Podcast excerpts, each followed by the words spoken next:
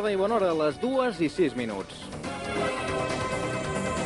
Benvinguts al Power Up d'Onda Rambla Catalunya, una diana moderna i futurista que té com a blancs la informàtica i les noves tendències d'oci.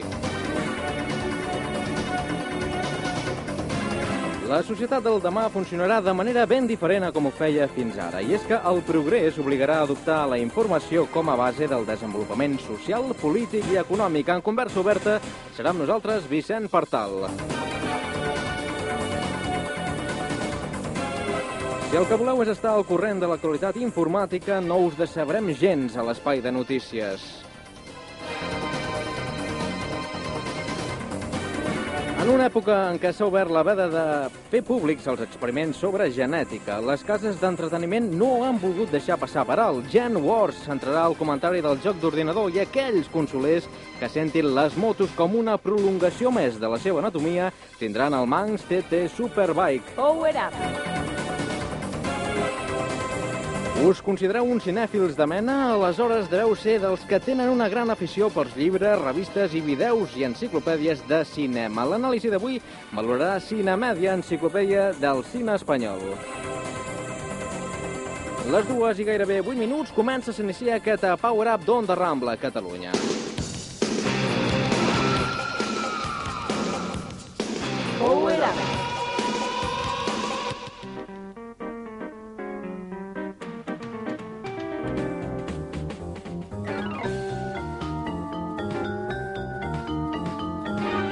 La dècada dels 90 ha estat el marc idoni per les empreses del sector de la comunicació i les noves tecnologies. I és que cada vegada més els models socials, econòmics i polítics van lligats al progrés tecnològic. Per això els analistes ja parlen d'una nova concepció de societat mundial, on qui no estigui vinculat o sigui usuari de la informació i la informàtica quedarà marginat dels esdeveniments que es vegin succeint a la història. I per parlar del poder digital hem convidat a Vicent Partal, que és eh, periodista i un dels responsables de VilaWeb. Bona tarda. Hola, què tal? Com està? Bé, bastant bé. Al llarg del eh, segle XX hi ha hagut diversos invents i enginys que han ajudat a la humanitat a desenvolupar-se en distintes àrees. Però quan parlem de revolució, entenem que significa un canvi dràstic i profund en diferents àmbits. Pensa que dues de les més importants han estat eh, la dels transports i la de les comunicacions. Sí, són revolucions d'alguna manera complementàries. Uh -huh. Uh, primer va haver la revolució dels transports, que va permetre la mundialització, i ara estem immersos de ple en la revolució de la informació, en la creació d'aquestes noves societats eh, on el poder econòmic, eh, el poder polític i cultural bascula sobre la informació. I el canvi és realment revolucionari, sobretot perquè tornem una mica a l'època anterior a la impremta. La, la impremta és un dels grans invents del mil·lenni, però introdueix el diner en la comunicació, és a dir, imprimeix qui pot imprimir. Eh, els grans mitjans de comunicació de masses han atenuat per una part, però ha accentuat per una altra aquest fet, i la internet el que fa és tornar-nos a l'època preimpremta, on per a publicar i per a ser escoltat no necessites res més que les teves pròpies opinions. És una revolució. Per, per tant, aquesta mundialització es traduiria en eh, la superació de les fronteres establertes. Bé, la mundialització afecta moltes coses. En els àmbits eh, polítics i econòmics jo crec que ja ningú dubta avui en dia que, eh, que s'estan trencant esquemes clàssics. Eh, recordem que el GATT, eh, que és la, les tarifes arancelàries, la- l'acord de tarifes arancelàries ja està a menys d'un 2%, quan no fa ni dues dècades eh, estava al 20 o al 25%. Eh, observem fenòmens com la Unió Europea, com Mercosur, com el NAFTA, eh, o com la PEC a, a, Oce- a l'Àsia, al Pacífic, eh, que estan creant grans agrupacions eh, regionals sense fronteres interiors o tendent, tendint a no tenir fronteres interiors, jo crec que és una evidència absoluta que la mundialització és un fet i que, a més a més, la mundialització implica la barreja de poblacions, que és un altre canvi molt important. Està d'acord amb els que afirmen que la digitalització és la signatura que tenim pendent abans d'acabar el segle XX? Home, jo no diria que pendent perquè de fet ja la tenim. És a dir, uh, la, el procés de reduir tot a uns i zeros, que en definitiva la digitalització és això, jo crec que ja ha impactat suficientment en la, en la població. Tots els mitjans de comunicació, de fet, ja pràcticament o són digitals o porten camí de zero i moltes, mm, diguem, coses culturals, llibres, discos, etc etc estan digitalitzant-se molt ràpidament. Eh, la gestió de la informació ja s'ha convertit en, el sector econòmic, en un dels sectors econòmics més importants avui en dia en els països desenvolupats. Un altre tema és el tercer món, eh? Uh -huh. I aleshores jo crec que ja l'impacte de la digitalització ja és suficient en aquests moments com... Uh -huh. Actualment estem en els inicis d'aquesta tecnologia digital. Què suposarà eh, en un futur el poder digital? Bé, podem arribar a imaginar una societat en la qual eh, la gestió de la informació eh, estarà en mans dels usuaris i que això tant implicarà, quan es parla de gestió d'informació, no és parlar de diaris o de ràdios, sinó que és parlar de, de poder decisori sobre elements de la vida diària. Per exemple, a l'MIT de Massachusetts n'hi ha en marxa un projecte de roba intel·ligent que et permet eh, triar si vols tindre calor o tindre fred o canviar uh -huh. el color del teixit o coses d'aquest estil. Eh, la gestió dels grans bancs de dades pot permetre múltiples negocis de tota classe. Eh, David Bowie ha distribuït perdó, un disc a través d'internet saltant els canals intermediaris. Dir, d'alguna manera, la digitalització va permetre multitud de serveis eh, no relacionats amb, el, amb, no només relacionats amb la informació clàssica. En aquest sentit, a mi m'agrada fer la broma de dir que la llei del cable és més important que l'Estatut d'Autonomia, perquè en realitat la sobirania, en definitiva, estarà en, en tenir la clau de pas del, eh, del tub digital. No? De tota manera, vostè parlava d'usuaris, però hi ha alguns economistes que diuen que la societat del demà estarà governada pels consells d'administració de les grans multinacionals. Vostè què en pensa d'això? eh, evidentment tots parlem per parlar, és a dir, eh, el, el canvi és d'unes dimensions tan grans que ningú tenim la clau ara del que serà la societat, posem per cas el 2010, jo crec que no ho sap ningú.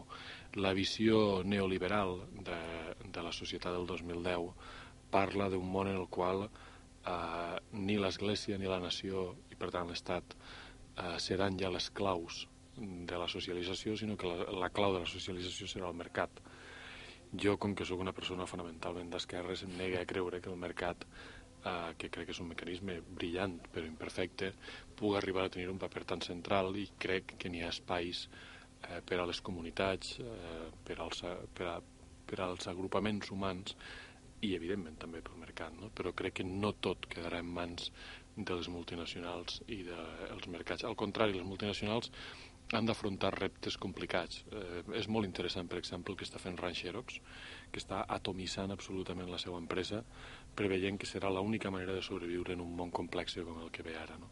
De tota manera, alguns apunten que Bill Gates doncs, estaria en aquesta línia que dèiem de doncs, anar-se fent amo una mica de les grans empreses del sector de la informàtica i la comunicació. Microsoft està fent una evolució molt interessant de empresa d'informàtica, empresa de continguts informatius. I Bill Gates doncs, és una persona mm, profundament ambiciosa eh, que possiblement intentarà fer això. Però la gràcia precisament del món digital és que en qualsevol cantonada pots fabricar un producte brillant. I jo sempre vull recordar, sempre dic, que els cinc grans de la premsa americana, Los Angeles Times, New York Times, eh, Washington Post, Chicago Tribune, etc., tots ells junts a, a internet no tenen tanta audiència com iniciatives nascudes en un dormitori de la Universitat de Stanford com és Yahoo o com eh, CNET que és una, un nou mitjà també creat una mica d'aquella manera no? I per sort eh, per, per allò que deia al principi de que ara eh, la digitalització permet que el capital no siga l'eina bàsica del procés de comunicació o l'eina fonamental del procés de comunicació la digitalització posa molt difícil sobreviure als, als, als emperadors i probablement Bill Gates és l'últim emperador. Mm. Els pacifistes tenen com un dels seus lemes que la paraula és l'arma més poderosa. Sigui com sigui, la informàtica podria considerar-se com la millor arma per un nou colonialisme, no?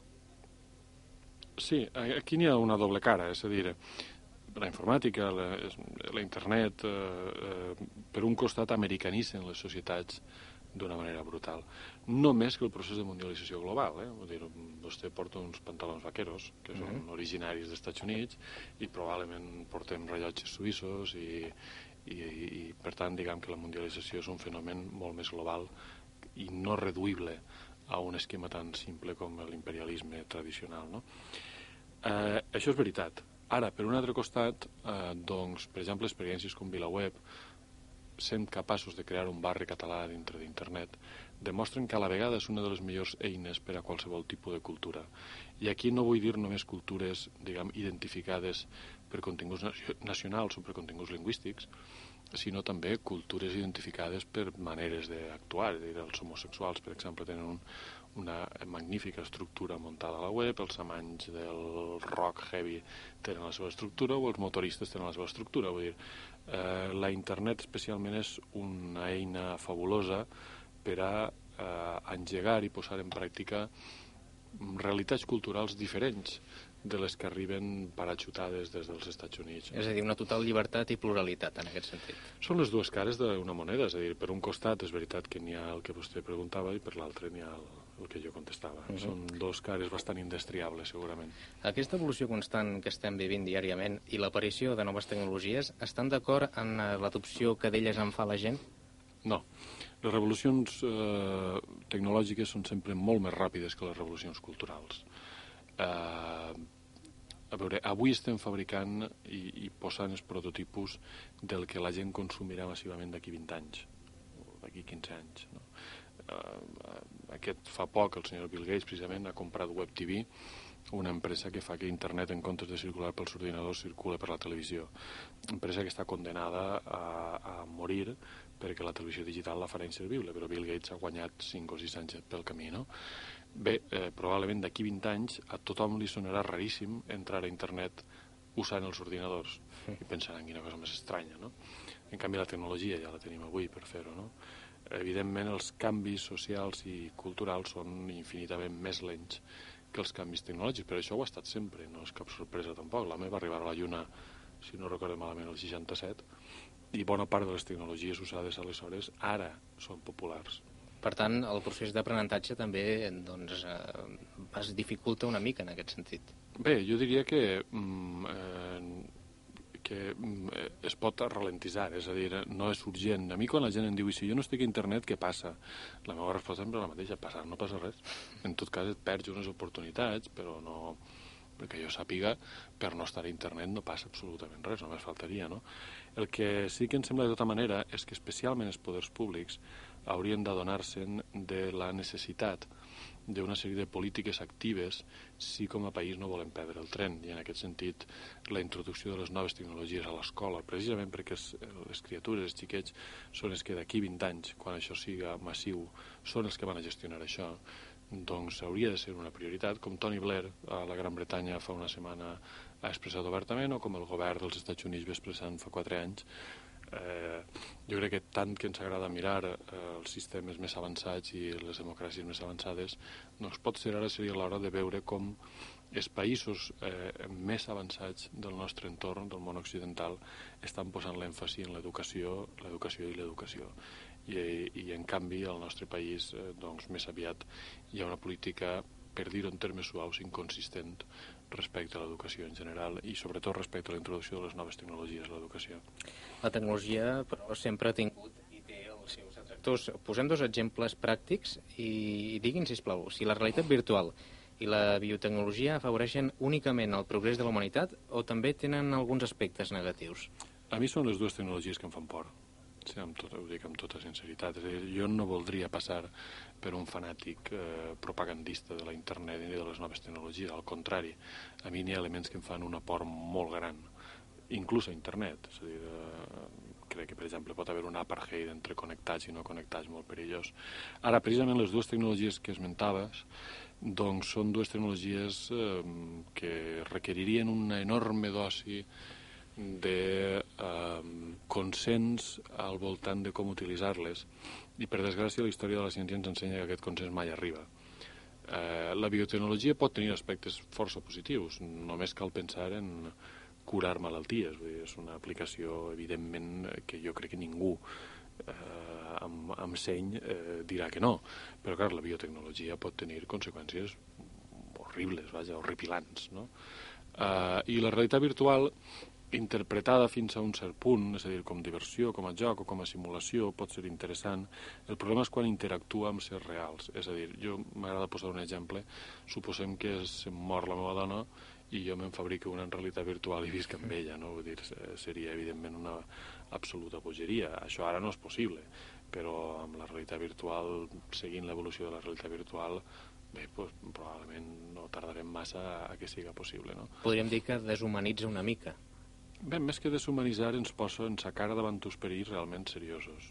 I la humanitat està en un punt eh, brutal d'evolució i segurament està en el punt clau de la seva història. És a dir, podem evolucionar cap a una societat altament tecnificada, amb enormes avantatges, però amb gravíssims inconvenients i gravíssims eh, problemes sobre la taula, o teòricament podem quedar-nos on estem. En la pràctica jo crec que no podem quedar-nos on estem perquè som curiosos per natura i per tant anem a continuar. No? El que em sembla que és molt important és que siguem conscients de que igual que podem aconseguir grans coses, eh, la mitjana de vida al principi de segle era de 40 anys, ara la mitjana de vida és de 70 anys, hem guanyat 30 anys en un segle. Això és bo o és dolent? Eh, home, es, fins i tot es podria enfocar que és dolent en termes demogràfics, però jo crec que estarem d'acord tots dos de que ens agradaria viure més 70 anys que no, que no 40, I tant, no? I tant, sí. Per tant, jo crec que n'hi ha possibilitats molt interessants, però que a la vegada n'hi ha possibilitats horripilants. Jo vaig, eh, un, vaig conèixer un científic a la Universitat de Toronto que, al qual em va estar ensenyant eh, eh, els actuals coneixements sobre el cervell i li vaig preguntar quan tardaríem en fabricar sers humans ex novo, replicants, per uh -huh. usar la terminologia de Blade Runner. Em va dir que en 20 anys seria perfectament possible fabricar vida artificial amb apariència humana. Em va semblar, eh, vaja, absolutament horrorós. No? Sí, déu nhi Falten pocs anys perquè s'acabi el segle i també el mil·lenni, i aquest fet sempre ha causat un eh, cert desconcert en la població. És aleshores quan sorgeixen les profecies i les projeccions futuristes. Vostè pensa que el segle XXI serà el segle de la informació per excel·lència? Bé, hi ha una frase que la va encunyar Jacques Delors eh, i que en aquest sentit és rotunda, no? El segle XXI serà el segle de la informació. Jo crec que eh, el segle XXI té 100 anys i jo seria més modest i diria els primers 30 anys del segle XXI seran el segle de la informació sense cap mena de dubtes. dir, la informació serà el procés central de la vida humana. Vostè... Ara, jo el 2040 és que no me'l sé ni imaginar. Vostè creu realment que internet i els nous avenços que d'ella se'n deriven eh, doncs ens farà retornar un model de comunicació tribal? Sí, és una mica el que intentava expressar abans dient allò de la impremta, és a dir, eh, la impremta, la, la introducció del capital en el procés de la comunicació va provocar una diferenciació entre informació i comunicació. Comunicació és el que fem a micro tancat, eh, intercanviar eh, comentaris o el que fas amb el veí quan te'l trobes pel carrer, i informació, en canvi, requereix un procés econòmic molt especial i molt costós en termes econòmics per a poder ser eficaç. Uh, la internet, que en el fons no fa sinó prefigurar el que seran les autopistes de la informació, que és un terme que ara ja quasi ningú gasta, després d'uns anys d'abusar-ne d'ell, doncs la internet una mica sí que torna a trencar aquest esquema i, i com deia abans, torna a igualar comunicació i informació, la qual planteja molts problemes d'ordre ètic, d'ordre d'organització social, però també planteja una possibilitat d'avanç en la democràcia. Eh, si hem passat 200 anys lluitant per una persona un vot, probablement ara podem lluitar per una persona un emissor, que mm -hmm. seria en tot cas un, un grau més, un pas més en el procés democràtic. Amb l'aparició al nostre país de la televisió digital ja s'ha començat a parlar de la desaparició del famós zapping. Els usuaris dels mitjans de comunicació es veuran sobresaturats per l'oferta? Bé, aquí és que el problema de la televisió digital ha estat un problema bàsicament polític. Ningú ha parlat de la televisió digital, sinó que han parlat d'un enfrontament entre el PP i el senyor Polanco, entre el, el PSOE i el PP, eh, i en realitat ningú acaba d'explicar exactament què és la televisió digital. Un problema que naix eh, quan hi ha 400 o 500 cadenes de televisió, efectivament, és que no n'hi ha sàping possible. I si vostè comença a veure un partit de futbol en una cadena i vol fer sàping en 500 cadenes, home, a 3 segons per sàping, quan torna el partit de futbol, ja o van 3 a 0, ja no val la pena mirar-lo. Uh -huh. Per tant, el que ara entenem per sàping deixarà d'existir. Lo important, aleshores, és que el poder de decisió sobre els continguts estarà exclusivament en mans de l'usuari. És a dir, ningú podrà obligar l'usuari a veure algo que no volia veure, sinó que serà ell el que decidirà ara m'interessa en esports, ara m'interessa cinema, ara m'interessa. Canvia, el, eh, és a dir, fa pivotar el poder informatiu sobre l'usuari en comptes de fer-lo pivotar sobre l'emissor, que és el que està passant ara amb els grans mitjans de comunicació de masses. I aquest és un canvi, jo crec que absolutament mm, clau i determinant amb el que passarà al futur i que va obligar a replantejar-se molt seriosament a les grans empreses de comunicació el seu model de comunicació. En el món digital no existiran els diaris o les ràdios o les televisions de referència absoluta i obligatòria. Per tant, canviarà radicalment també el concepte del que avui coneixem com a audiències. Absolutament. Mm -hmm. Canviarà absolutament, no tindrà res a veure amb això que tenim ara. Sí, sí. Un dels aspectes en què la informàtica i la comunicació han creat una dependència total i gairebé absoluta és l'econòmic. És l'econòmic, perdó. És bo que l'economia mundial tingui tants nexes de connexió? No, perquè acaben flotant per ahir milers de milions de dòlars que ningú sap d'on han aparegut, no? Perquè les transaccions... Avui en dia l'economia és més una economia de la transacció financera que de la realitat, eh, eh, diguem, de producció, no? A veure, jo, des del meu punt de vista, eh, abans m'he definit d'esquerres, eh, no crec que sigui bo. Ara tampoc tinc cap fórmula per evitar-ho, és a dir, eh, és, les coses són així, no, no, no podem evitar-ho, no? jo crec que eh, caldrà arribar a un punt en el qual es troben algun cert mecanisme de control sobre aquesta sobre aquest flux constant de l'economia a través de la informació. No? Sobretot perquè pensem que avui en dia, per exemple, ja no queden països que el patró or eh, siga el, el recolzament de les seues economies. Avui en dia el patró d'informació és molt més important. Si el Banc d'Anglaterra té no sé quants milions en or i el diamant aquell de la reina, que no el té el Banc d'Inglaterra, el té la reina.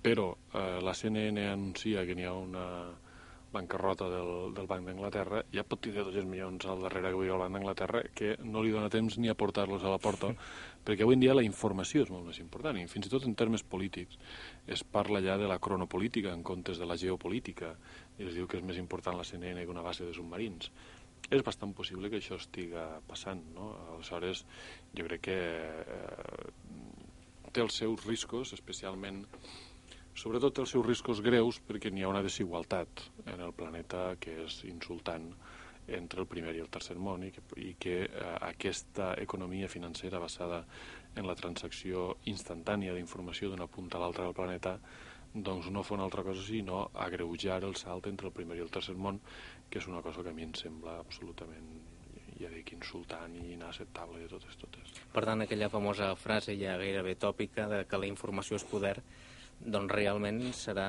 més veritat que mai. Sí, sí, sí. La informació serà el poder.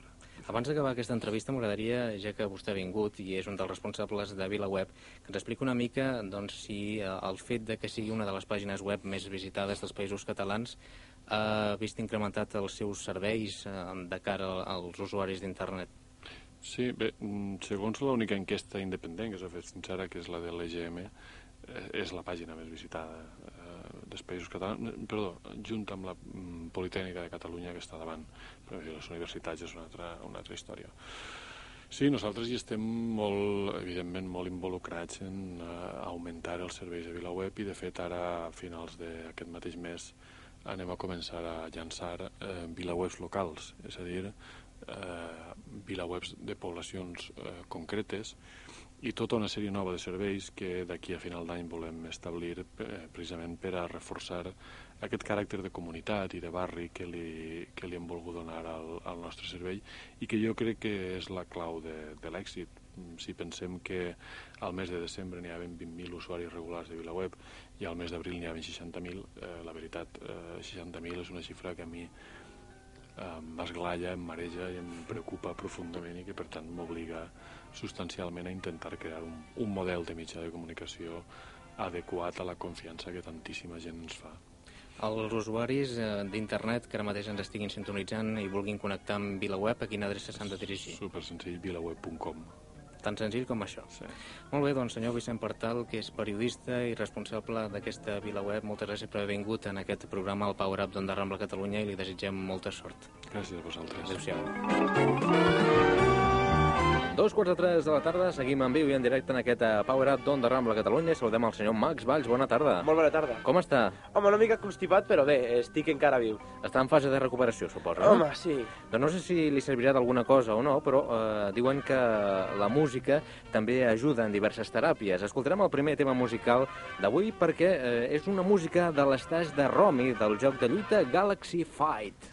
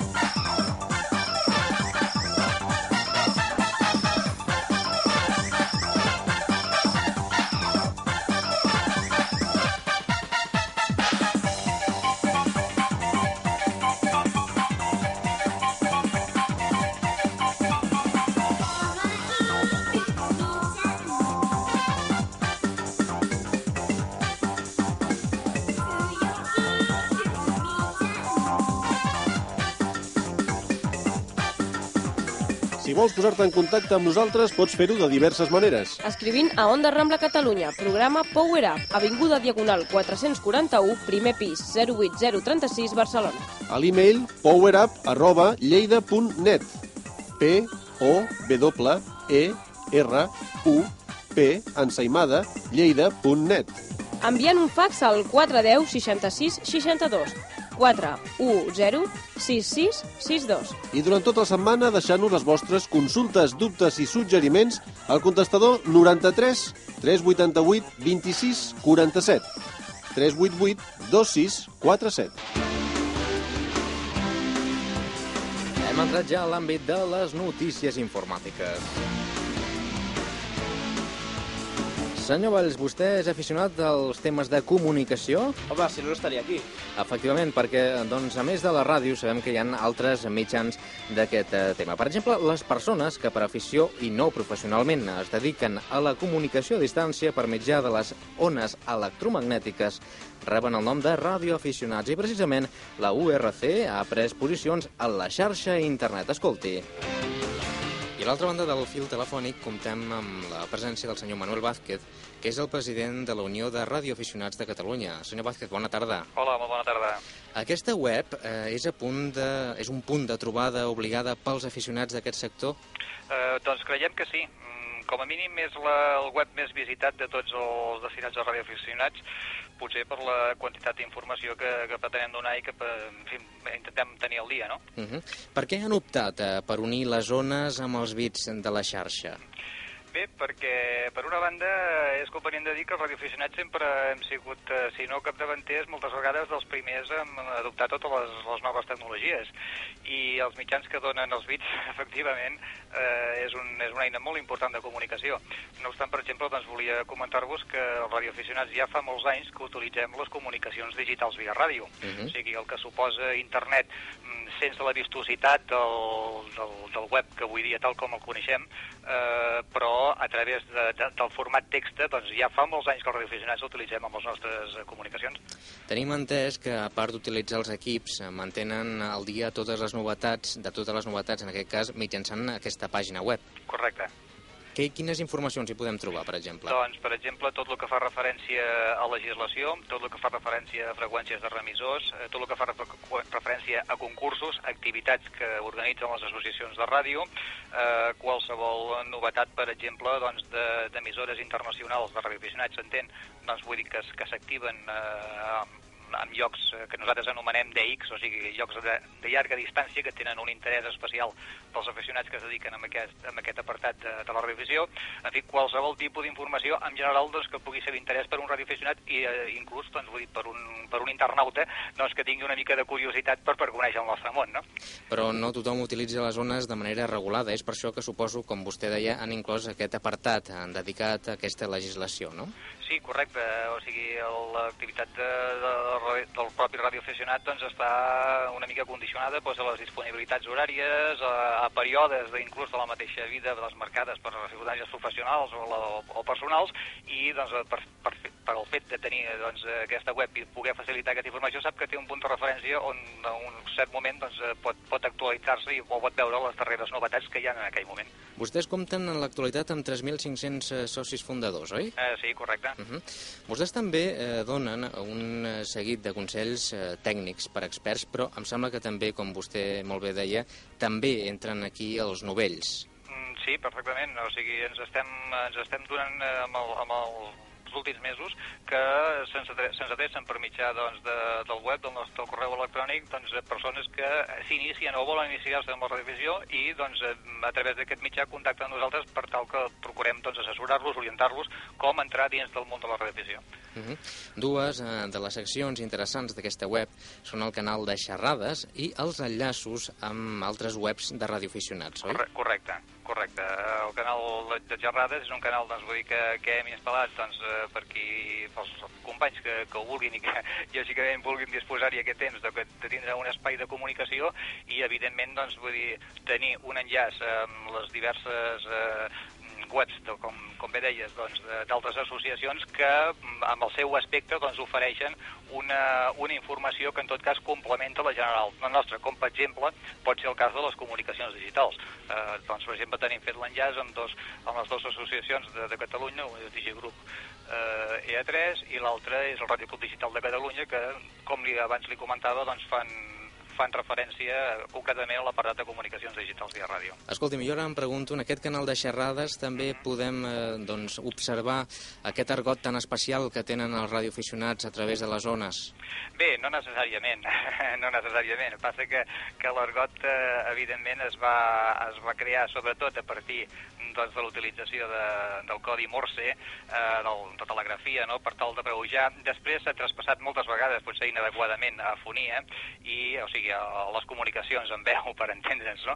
I, doncs, eh, bé, d'alguna manera, totes vegades la incorporem potser no massa, o, o massa freqüentment en converses que no faria falta, no? Uh Mhm. -huh. Però bé, sempre hi ha alguna, algunes paraules que s'escapen, sí, efectivament. Escolti'm, tots els internautes eh, que vulguin visitar la seva pàgina, on han de connectar?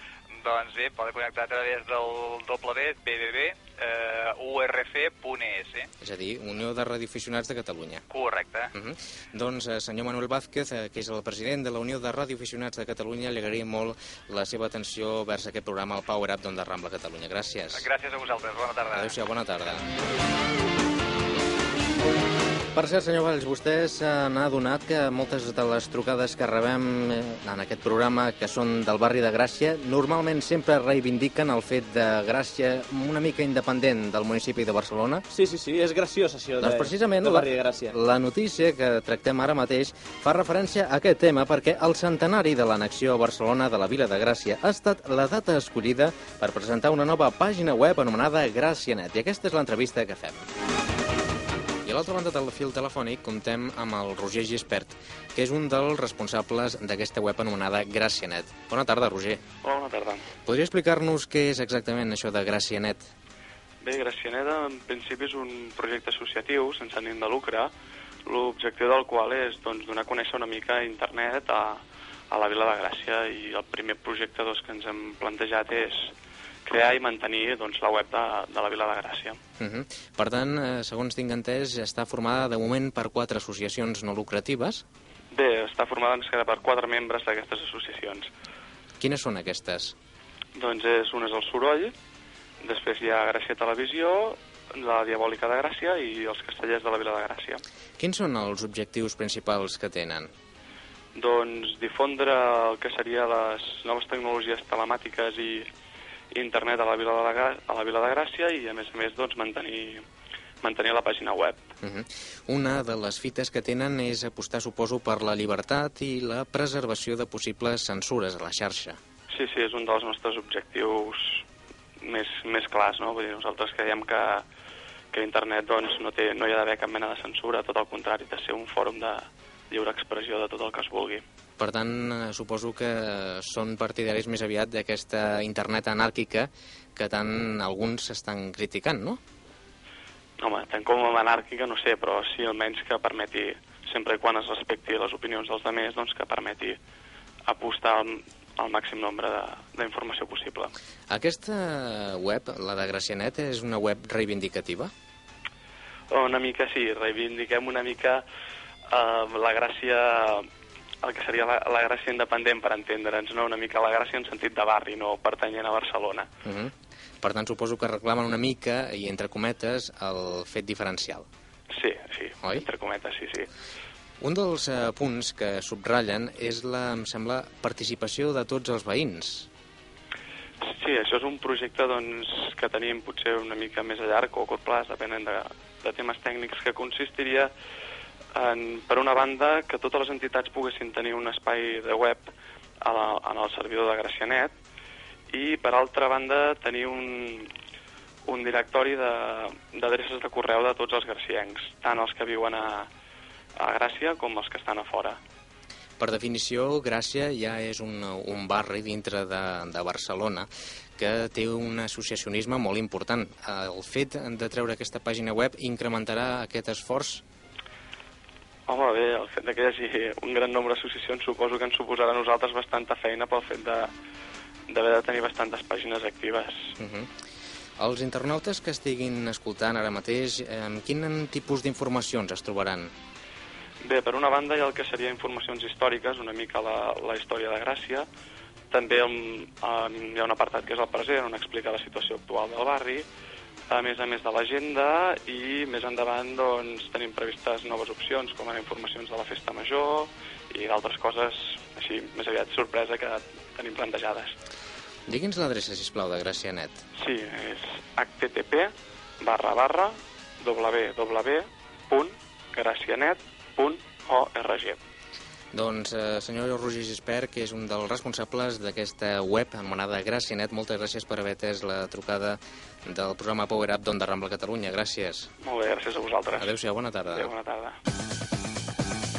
¿Ha pensado comprar o cambiar de ordenadores? ¿Elegir su impresora o software? Consulte la guía del comprador de ordenadores, la pequeña gran revista de informática, todos los ordenadores del mercado, novedades, pruebas, internet, tiendas y mejores ofertas. Guía del comprador de ordenadores. En su kiosco ya.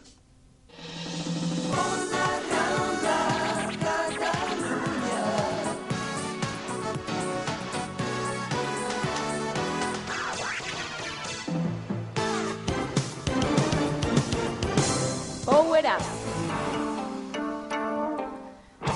Seguim en viu i en directe en aquest eh, Power Up d'Onda Rambla Catalunya. Amatent en directe per totes les emissores d'Onda Rambla Catalunya des de l'estudi 2, avui excepcionalment. Senyor Valls, estem dins de l'àmbit dels eh, videojocs. És eh, moment d'entrar potser en el d'ordinador, que s'anomena... Gen Wars, si aquest és l'informe.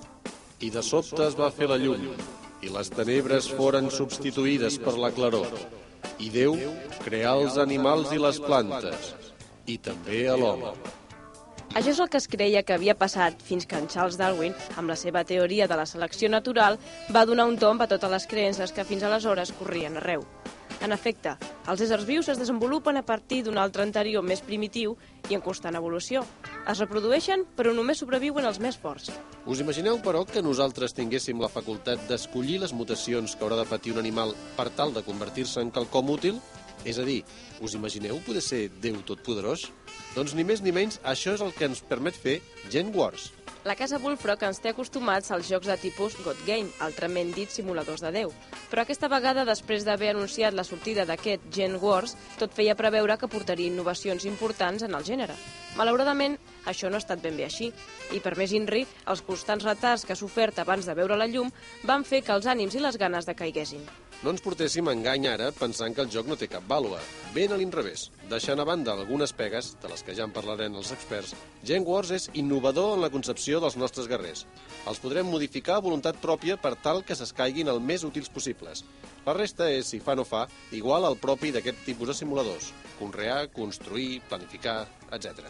Des que Bullfrog edita el famós Populus i la seva continuació, ens ha anat mostrant tot un reguitzell d'obres mestres, però intuïm que aquesta, si més no, no serà la darrera.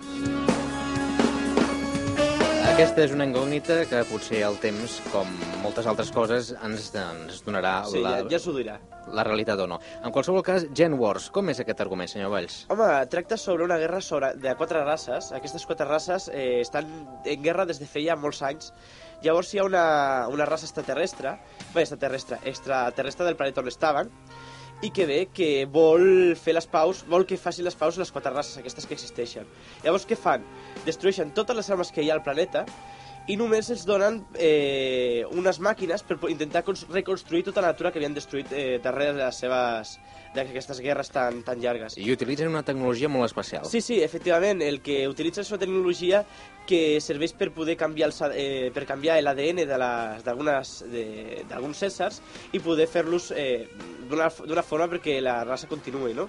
Llavors, eh, què, què passa? Que aquesta raça, encara que estiguen en paus, en un principi, eh, s'adona en seguida que, poden, que tenen un potencial eh, a les seves mans amb aquestes, amb aquestes màquines i consisteix en el següent, podem, podem modificar o mutar aquestes, aquestes races que van creant, aquests animals que van creant, per poder fer-los anar eh, contra els enemics. És a dir, fer unes races d'animals que siguin assassines i que destrueixen el seu enemic. Un dels aspectes que sempre preocupa als habituals jugadors d'aquest tipus de jocs és la jugabilitat. Efectivament, hem de comentar que és un joc, com molts d'aquests jocs de, de simuladors de, així de- d'estratègia, que només eh, hem d'utilitzar dues tecles o tres tecles, és a dir, que sempre és eh, fet amb accions molt fàcils, eh, caminar, anar allà, eh, construir, cosetjar, és a dir, mm, unes accions molt fàcils. Què passa? Que això es complica quan ho hem de fer eh, controlant tot el que hi ha a la pantalla, és a dir, controlar uns, eh, uns animals que ataquen a, un, a,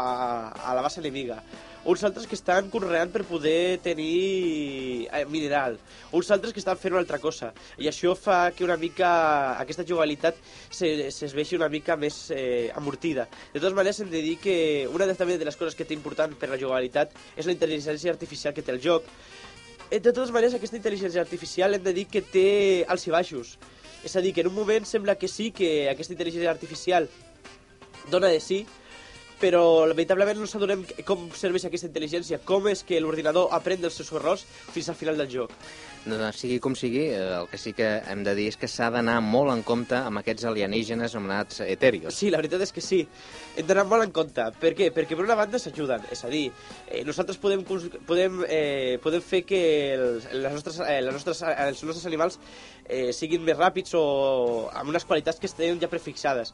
Però ells ens, ho- ens ho faran créixer de sobte i molt més ràpid. Per acabar, i en síntesi, què és el que podem dir del Gen Wars? Home, hem de dir que l'enginyeria genètica sempre ha estat un bon tema per un joc, i a més ara que estan tan de moda, no?, les clonacions i els híbrids i tot això. Al igual que també està molt de modes els jocs de consola, com per exemple aquest.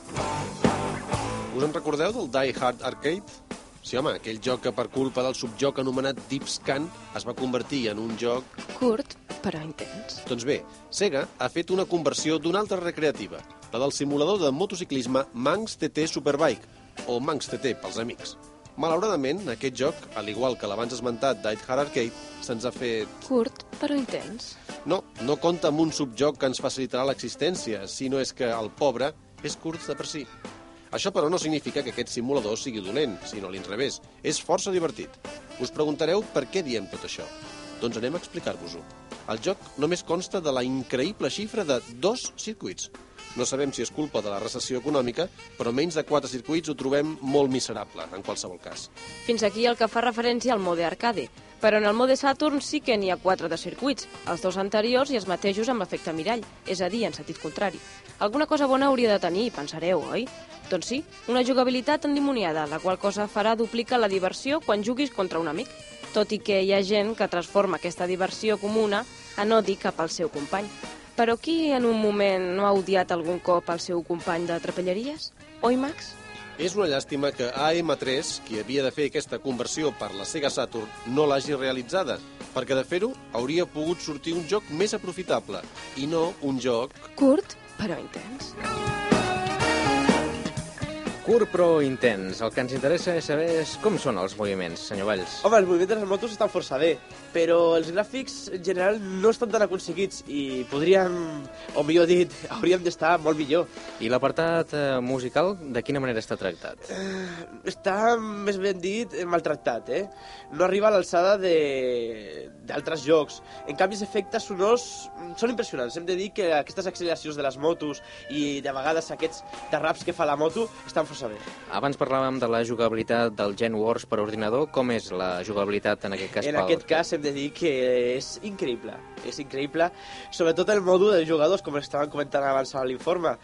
Però també hi ha, eh, aquest, com que només hi ha dos circuits, no sé, eh, és una mica pobre. Que saben a poc, no? Sí, home, eh, una vegada que has fet els circuits dues vegades, ja saps on estan les curves, on, estan, on derrapa més la, la carretera i tot això, i fa que no tingui aquest enganx no?, que podria tenir si estigués més circuits. Aquesta és una reconversió d'una màquina, no? Sí, efectivament, eh, és la reconversió de la, la recreativa i podria haver estat molt millor. Eh, hem de dir que és una llàstima. És a dir, que el, la transició d'una Sí. a l'altra... La veritat és que sí, la veritat és que esperàvem... Ja havíem vist la recreativa i estàvem, estàvem esperant que sortís el joc per la consola. I esperàvem que, que sigués molt millor. Doncs a punt de que faltin 8 minuts exactes, perquè siguin les 3 de la tarda, marxarem cap a l'anàlisi. Power Up.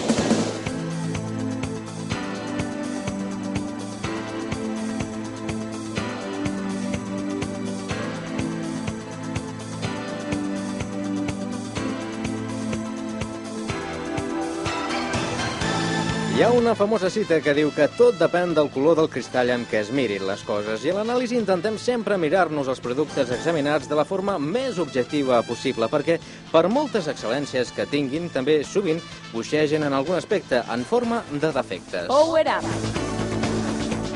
A finals del segle passat, els germans Lumière inventaven el que més tard s'anomenaria el CTR, i és que la projecció d'imatges en moviment ha evolucionat eh, força des del seu naixement, i la seva importància ha arribat a ser tan gran que fins i tot s'ha comparat els seus integrants amb els estels de l'univers.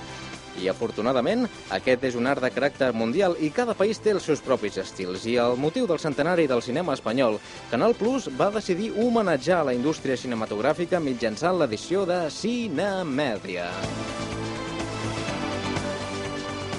Pel que comenta, suposo que això és una, una enciclopèdia. Una enciclopèdia del cinema espanyol que compila la bibliografia i la documentació existent sobre la totalitat d'aquest. Aquestes estan actualitzades i enriquides gràcies a les cites i als comentaris de diverses personalitats del cinema i, a més, incorpora la tecnologia multimèdia en forma de material gràfic, imatges i sons. I si els sembla, escoltarem una d'aquestes mostres, que és d'un diàleg d'una pel·lícula de l'any 1934, concretament La hermana San Sulpicio. Pues ríase, y aunque sea de mí, se lo agradezco por el gusto que daba en una boca tan fresca y tan linda. Oiga, ¿no sabe que es pecado echar flores a una monja y mucho más que esta las escuche? Me confesaré y en paz. Ah, no basta. Es necesario arrepentirse y hacer propósito de no volver a pecar. Deu ser fonamental per fer consultes. Efectivament, és un programa imprescindible de referència, ja que possibilita la recopilació de les dades sobre pel·lícules, persones, premis i bibliografies en un arxiu relacional. De quina manera s'estructura? En quatre mòduls, presentació, arxius, galeria i hemeroteca. La presentació contempla els criteris editorials i els autors que han fet possible aquesta enciclopèdia. Als arxius se'ns presenta una pantalla de selecció de pel·lícules i fitxes. Podrem realitzar recerques de films o persones basant-nos en tres camps diferents. Com són les fitxes? Les fitxes tècniques o artístiques inclouen informacions sobre els autors de la pel·lícula, comentaris, cites, premis i bibliografia, així com també diverses mostres multimèdia. Ara escoltarem un dels eh, segons diàlegs que eh, compta aquesta mostra multimèdia d'aquest fantàstic programa anomenat Cinemèdia. És un diàleg de Marisol Rumbo a Río de l'any 1963. Tienes razón, mamá. Soy una niña niña cursi, insoportable. Una cretina, una idiota. Un asco, mamá, un asco. No, hija, no, nada de eso, no. Tú eres un cielo. Y tu madre una despistada que ya no conoce ni a sus hijas. Te quiero, mamá, te quiero. Y estoy deseando irme con vosotras cuanto antes. Ay, gracias, Dios mío. Pero sí, esto era lo que yo quería oír desde que llegamos. Y Dios me lo ha concedido. Suposo que han cuidat bastant el disseny de la galeria, no? Força. Aquesta, igual que el conjunt del programa, està dissenyada de manera molt intuïtiva perquè l'usuari gaudeixi al màxim d'una àmplia col·lecció de material multimèdia. Totes les seleccions són visuals, atractives i dinàmiques. Les pantalles i les bandes sonores arrodoneixen aquest recull de mostres audiovisuals. Però bé, dones més dades sobre, aquest aspe sobre aquests aspectes. Trobem més de 200 fragments de vídeos, diàlegs, bandes sonores i cançons, 3.000 fotografies de films, cartells d'estrena i més de 20.000 fitxes que reflexen el més característic del centenari del cinema espanyol. Tercer diàleg que hem escollit és el diàleg de El dia de la bèstia, una pel·lícula del 1995. José María, tengo una misión. ¿Que se va de misiones? No, no, no, no. Que tengo una misión que cumplir. Una cosa que tengo que hacer en la ciudad yo mismo. Tú eres satánico, ¿verdad? Sí, señor. Y de Carabanchel. ¿Sabes invocar al demonio? ¿Eh? Es que necesito invocar al demonio. ¿Para qué? Es algo que tiene que ver con el Apocalipsis. ¿La película? No, no, el libro de la Biblia. Es igual. Esta noche nace el anticristo, pero no sé dónde. Por eso necesito invocar al demonio. Fuerte. I què hi ha sobre la hemeroteca? Aquesta inclou un glossari de termes cinematogràfics, referències històriques per períodes cronològics, en el que es contempla l'entorn sociopolític. D'altra banda, la Maroteca ens mostra una relació de guardons nacionals i internacionals amb què s'han premiat a pel·lícules o persones espanyoles. I com ja hem dit, eh, aquest programa, el Cinemèdia, compta també un, amb un gran assortit de bandes sonores. Per exemple, la que hem seleccionat nosaltres és eh, de la pel·lícula Tres Palabres de l'any 1993, en què Maribel Verdú cantava d'aquesta manera. Que se quede el infinito sin estrellas o que pierda el ancho mar su inmensidad, pero el negro de tus ojos que no se quede igual. Si perdiera el arco iris su belleza y las flores Doncs aquesta era la veu de Maribel Verdú. No l'hem seleccionat perquè sí, sinó perquè és una de les actrius eh, favorites d'aquest que els parla. Anem pels fets positius i els fets negatius, senyor Valls? Anem, anem. Primer els positius. Anem pels positius. Doncs podem dir que Cinemedia és una gran eina de consulta que incorpora una guia comentada d'utilització, que té arxius multimèdia de gran qualitat, com ja hem pogut escoltar. Després hi ha la possibilitat de fer anotacions personals a les fitxes per tal d'anar actualitzant doncs, eh, doncs, amb, amb anotacions d'aquestes més personalitzades segons el nostre interès d'un tema o d'un altre. Si tenim dades inèdites, això és una dada molt positiva, si tenim dades inèdites sobre el cinema, podem col·laborar en la següent edició contactant directament amb l'empresa que ha fet aquest producte via internet. I dir que el seu preu ronda les 10.000 pessetes. I els fets negatius? Fets negatius ha costat de bastant trobar-ne, però podem dir que hi ha molt poca informació del cinema català i tot i que la indústria mm, doncs, eh, d'aquest art en Catalunya no està gaire desenvolupada, sí que s'ha de constatar que almenys hi ha hagut eh, una producció almenys significativa dins el panorama espanyol. I si vostè ara em diu si hi ha alguna vinculació o si es poguéssim comparar amb aquell eh, famós producte de Microsoft anomenat eh, Cinemania, li diria que no té, eh, no té res a envejar en aquest fantàstic programa perquè totes les dades sobre el cinema espanyol les podem trobar fàcilment aquí i a més hem dit era una eina de consulta bàsica per tots aquells amants del cinema. D'aquí 25 segons aproximadament entraran en línia els serveis informatius d'aquesta casa i nosaltres continuarem en viu i en directe en aquest Power Up d'Onda Rambla Catalunya sobre les 3 i 5 aproximadament. Fins llavors, gràcies. La informàtica i els videojocs, el manga i el rol tenen un nom. Power Up,